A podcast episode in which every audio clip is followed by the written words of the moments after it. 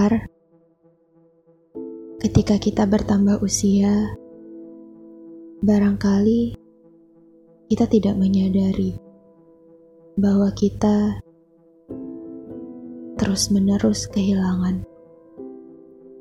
Kamu mungkin tidak akan tahu rasanya, karena di sini kamulah yang menghilang.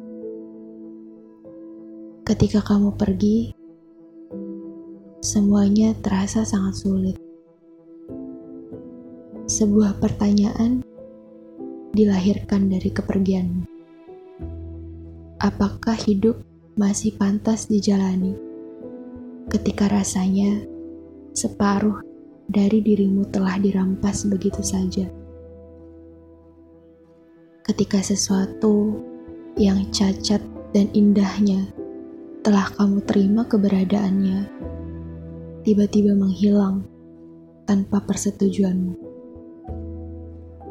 yang kemudian membuatmu terdiam sangat lama. Tapi suatu hari, seorang tunawicara bercerita dalam kisah si pencipta Kafka. Dengan tangan kurus ringkih itu, dia berkata, kita tidak bisa melakukan apa-apa. Suka atau tidak, kita harus terus menjalani hidup dengan atau tanpa mereka yang telah pergi. Kita masih harus bekerja keras seumur hidup dan bertambah tua melalui hari demi hari. Hingga akhirnya ketika waktu kita telah tiba menuju keabadian, kita akan mengatakan pada Yang Kuasa bahwa kita benar-benar lelah. Kita menangis, dan hidup ini terasa sangat sulit.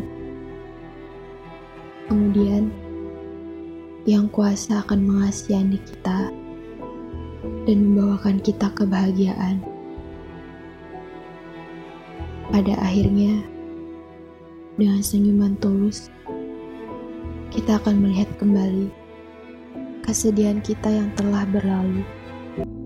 Dan saat itulah kita akan beristirahat. Kita pasti akan beristirahat.